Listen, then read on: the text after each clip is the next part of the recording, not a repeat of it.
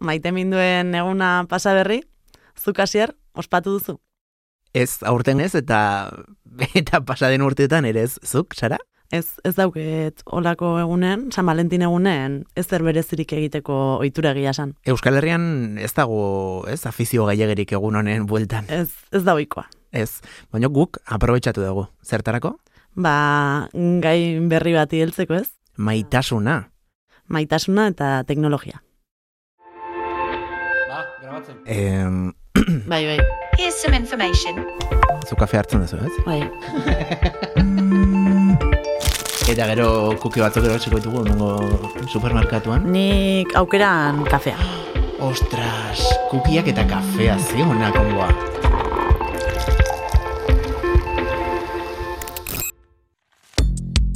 Smart Me Analytics erakundeak argitaratutako datuen arabera, bereziki hogeita urtetik berako pertsonen artean, ligatzeko aplikazioen arrakasta areagotu eginda. Tinderren, erabilera euneko laurogeita malauazi da. Baduren kasuan, euneko berrogeita mabi. Guapok euneko hogeita maboste egin du gora. Eta azkunde txikiagoa izan duen arren, Grinder ez da atzean geratu, euneko hogeita lau egin du gora. Adituen iritziz, hemendik aurrera teknologiak oso funtzio garrantzitsua beteko du. Eta aplikazio hauen gorakadarekin, zibersexuak ere gora egin dezake. Tinderrek berrogeita mar milioi erabiltzaile baino gehiago ditu. Izan ere, Arizonako Unibertsitateak egindako azterna baten arabera, profil horien euneko geita iruko malaua botak dira. Emakume Gazteen Federazioak txosten bat aurkeztu zuen 2023 garren urtean. Eta horren arabera, ikertutako bederatzireun eta irurogeita iru emakumeetatik, ia euneko irurogeiak sexu harremanak izateko presioa sentitu zuen. Bost emakumetatik batek Tinder bitartez ezagututako pertsonaren sexu erasoa jasan du. Tinderreko faltsutzeak amaitzeko asmoarekin, aplikazioak bideo selfien egiaztapena gaitu zuen 2023 garren urtean. Ez duzu Tinderreko matxarekin hitz egin nahi, esnak aplikazioaren bitartez zure batarra erabil dezakezu. Plataforma gai da adimen artifizialarekin trebatutako abatarrak sortzeko. Hasierako elkarrezketa hori hasi eta pertsona ezagutzeak merezi duen ala ez baloratzeko. Teknologia eta maitasuna, ba, burura etortzen zegoen lehen aplikazioa agian Tinder da, ez? Bai, egia esan, bai, naiz eta, bueno, nik erabili izan ditut, ligatzeko aplikazioak, eta ez Da. da, eh, gehien erabili dudana. Ez, Ez?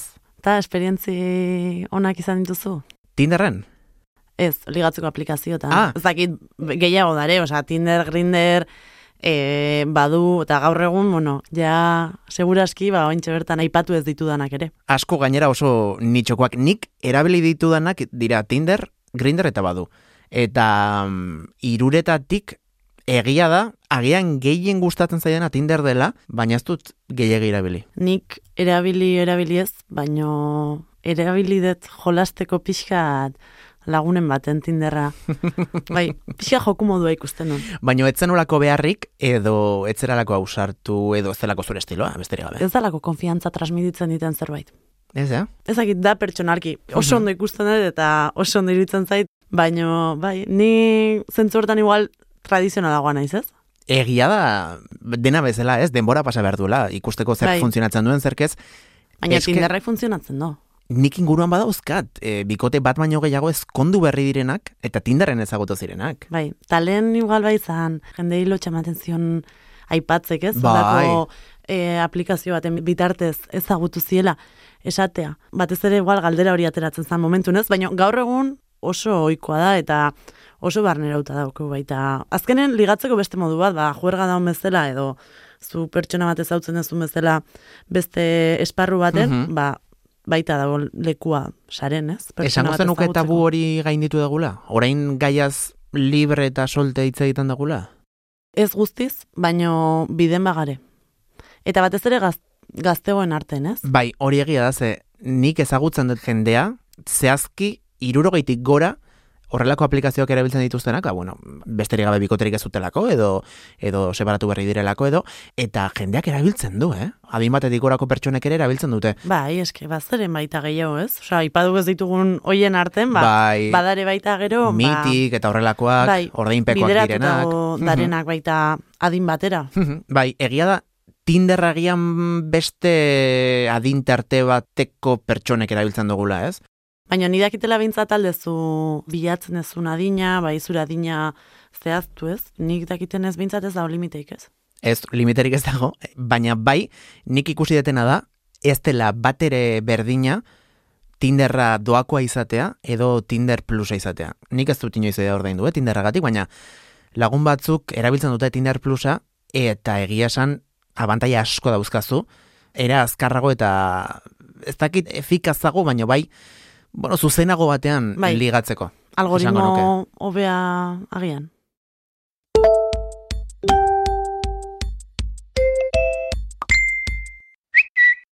Sara egia da, badaudela, ez? Ligatzeko aplikazio ezberdinak, bueno, niri ligatzeko eretzei gustatzen, e... Ba, jendea ezagutzeko. bai, jendea ezagutzeko, ze Bai, termino aldoko. jende askok, eta gainera zehaztu zenezake, lagunak bilatzeko erabiltzen ditu horrelako aplikazioak, Bai, lagunak egiteko, beste batzuk, ba, dakigun bezala sexurako soilik, beste batzuk erlazio estable baterako, orduan, depende ze aplikazio erabiltzen duzun, gauza bat edo bestea lortu erresago izango da. Adibidez, bai. ba, LGTB munduan, gizonetan, grindarra, orokorrean, gaztelainez esaten den bezala, akitepeio akitematorako erabiltzen da, gehien bat, naiz eta, egia den, nik ezagutu dudala jendea, eh? Grindarren bitartez, Bai, bueno, erlazio azkenen beti baterako- daudenetik, ez? Baina, Claro. hola, generalen itzein da. Bai, a priori, hori da jendeak bilatzen duna. Gero, Bai. badun, Tinderren eta horrelakoetan, ba, mota guztietako pertsona daude, baina esango nuke gehiago, ez? Agian Jo, ba, erlazio baterako... eh, esan dizutenen Tinderrez etla erabili izan da enizlako gogorau.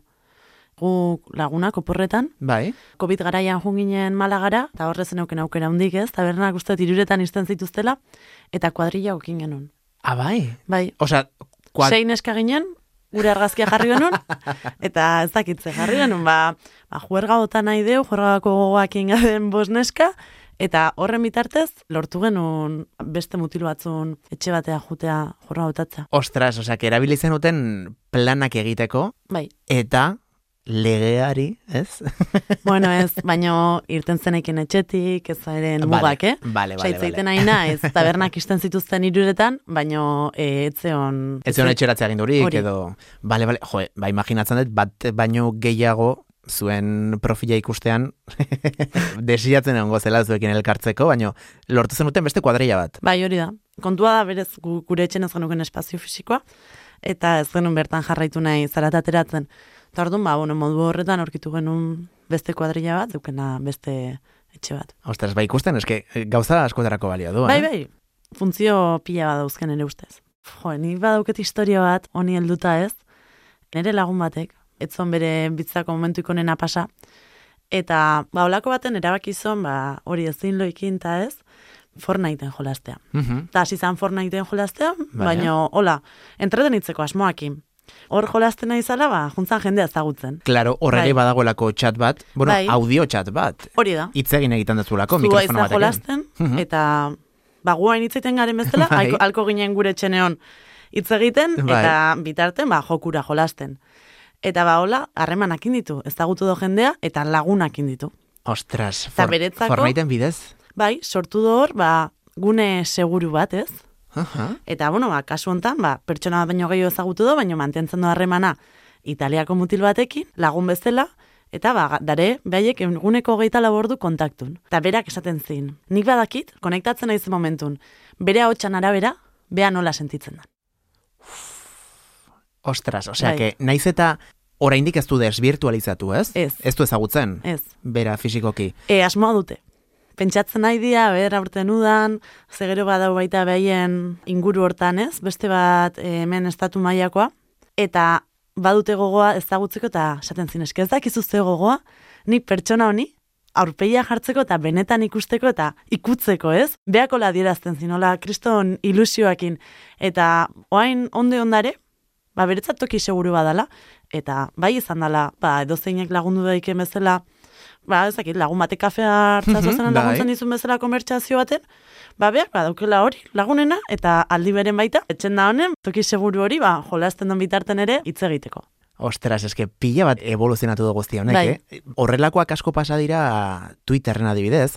Euskal Herrian, Txiolandian, jende asko mantentzen du harremana, bata bestearekin, baina gero ez dira ezagutzen. Hori. Eta egia da rol jokoetan ere bai, hauetan Fortnite, Call of Duty eta horrelakoetan, nolabait, jendeak imagina dezan, Los Simpson moduan, ez? Zu gerturatzen zara pertsona baten gana, jokalari baten gana, eta mikrofonoa eta aurikularrak balin badauzka, ba, zu hasi zaitezke bera erkin harremanetan. Bai. Eta ondoren, imaginatzen dut zure lagunak egin zuena izango zela, hor bada, ba, Google Meet, eh, Zoom eta horrelakoak bezala, Discord izena duen audio edo bideo deieterako plataforma bat dela esklusiboki gamerrentzako, ez? Bideo jokoetan ibiltzen direnek eh, erabiltzen dutena, eta orduan zuk partida horretan esaten diozu, nire Discorda da hau. Eta orduan ja agregatzen duzu Discordean, eta naiz eta Fortniteen sartu, ba, zure lagunak badauka ja, kontaktu hori ez, ba, Bai. italiarronekin, eta haizu, ba, niretzako ere polita da, zergatik ez, ez? Nahi oso oso politia iruditzen zaita, bai die, ba, modu baita beste historia batzuk ezagutzeko. Baina, Sara, teknologia eta maitasuna ligatzeko aplikazioetatik aratago ere badijoa, eta hemen, bueno, dokumentazio lanetan ibili gara, eta aurkitu dugu gauza oso bitxi bat. Bai, nik uste hau albistetan segura aski askok irakurri dutela edo ikusi dutela ez, baino bai da kasu berezi bat. Alicia Framis da emakume bat holograma batekin ezkondu behar dana. Ufa. Baina, Bai, nahi pixa goratzen dit her pelikulai. Ez, ez daukat ikusita. Bada gizon bat, ba, baita duela ja urte batzutakoa, maite mintzen dala adimen artifizialaz. Orduan, ba, bai gogoratzen dit film horta, baino ja behin errealidadea etorrita ez, entzutea, emakume bat, ezkondu behar dela, eta ezkontza data, ja, badakitela naiz izango dan, aurten goudaran, 2008 laueko udaran, ezkontzeko asmoa dute erroten damen, erberetan. E, e, eta ze, ze itxura dauka, ze forma dauka dimen artifizial horrek. Gizon urdin bat, Gizon urdin bat bai, da. ze, argazki behintzatola holograma urdin, urdina ikusten da orduan. Baina ez da pitufo bat. Ez, ez, ez, ez, ez. Osea, da, gizon baten holograma, eta berak berekin bazkaltzen do, berekin eukitzen ditu komertxaziok, eta e, adimen artifizial hau sortzeko, bartu ditu bere bikote hoien, bere lagunen, eta datuk, Ostras. lortzeko pertsona bat, berekin bateragarria dana. Osa, eguneko egun, iaia molde batean eginda egongo balitz bezala ez? E, sortu Bai, du bai. pertsona hau. Ostras. Eta, uno, irakurri detenan arabera, jartzen du, biok batera sukaldatzen dugu. Nik, bueno, pentsatzen dut, hologra- hologramak ez diola bazkaria ingo, baina, bueno, konpainia egiten diola, beak sukaldatzen duen bitarten. Ja, Ez dakit, konpainia egiten diola etxen da hon, ordu guztitan. bueno, aizu, hemendik esango dugu, eh? maitasuna erabat librea dela, bakoitza maite mindu daitekela nahi duenaz eta nahi duen gauzetaz ere bai, badirudi, baina bitxia eta raro xamarra bada kontua. Bai, eta berria agian, ez? Eta nik ez dakit, eh? nik irakurtza ditut hor sareetan, eta ez dakit nor ezkondu da bere panpinarekin, best... nik ez dakit, Bai. gauza horiek legalki nola egin daitezken, baina bueno, fetxa bali badukate, esperet oso zorion izatea bia. E bai, estatu mailan izan behar da lehen emakumea adimen artifizialakin ezkontzen dana. Hombre, lehenengoa bai, ez dakitena da sara, azkenekoa izango den. Ez dut uste, olako gauzai behin hasiera ematen zaienen, ba, bat baino gehiago joten da atzetik, ez? Efektu dominoa, ez? Ba, pixkat hori pasatzen da. Eta, bueno, hori holograma bat da, eta atzuk holograma ez nezu ikutu. Ez nezu sentitu, claro, ez? Claro.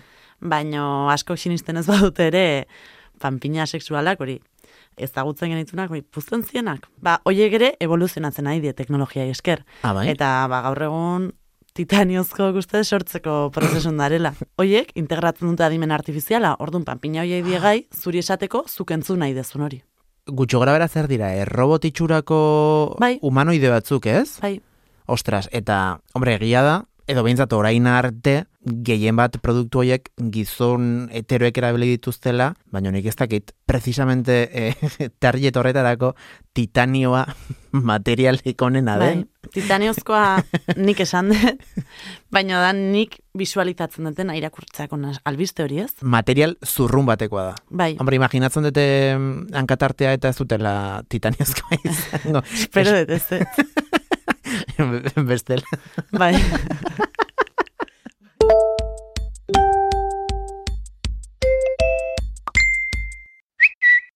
Orduan sara, zerbait argi balin badaukagu da teknologiaren bitartez, geroz eta pertsona gehiago ezagutzeko aukera dugula, baita ere, ironikoki pertsonetaz isolatzeko ere, e, pertsonak geroz eta urrunago eukitzeko, baina guk nahiago dugu beste aspektua. Bai, eta beste begirada batekin behiratzea baita zer dan teknologia maitasuna edo teknologia eta erlazioak ez? Hori da, eta izu, bakoitzak maita bezala, nahi duena eta nahi duen bezala. Kuki eta kafea, ulumediak EITB podcastentzat ekoizten duen lana da. Gidoia, asire errastik eta nik neuk zara lantzek egin dugu. Zuzendaritza, oier arantzabalek. Muntaia eta soinu diseinua, alai ormazabalek. EITB podcasten eta audio plataforma denetan aurkituko duzue Kuki eta kafea. Arpidetu eta lagundu zabaltzen. Agur!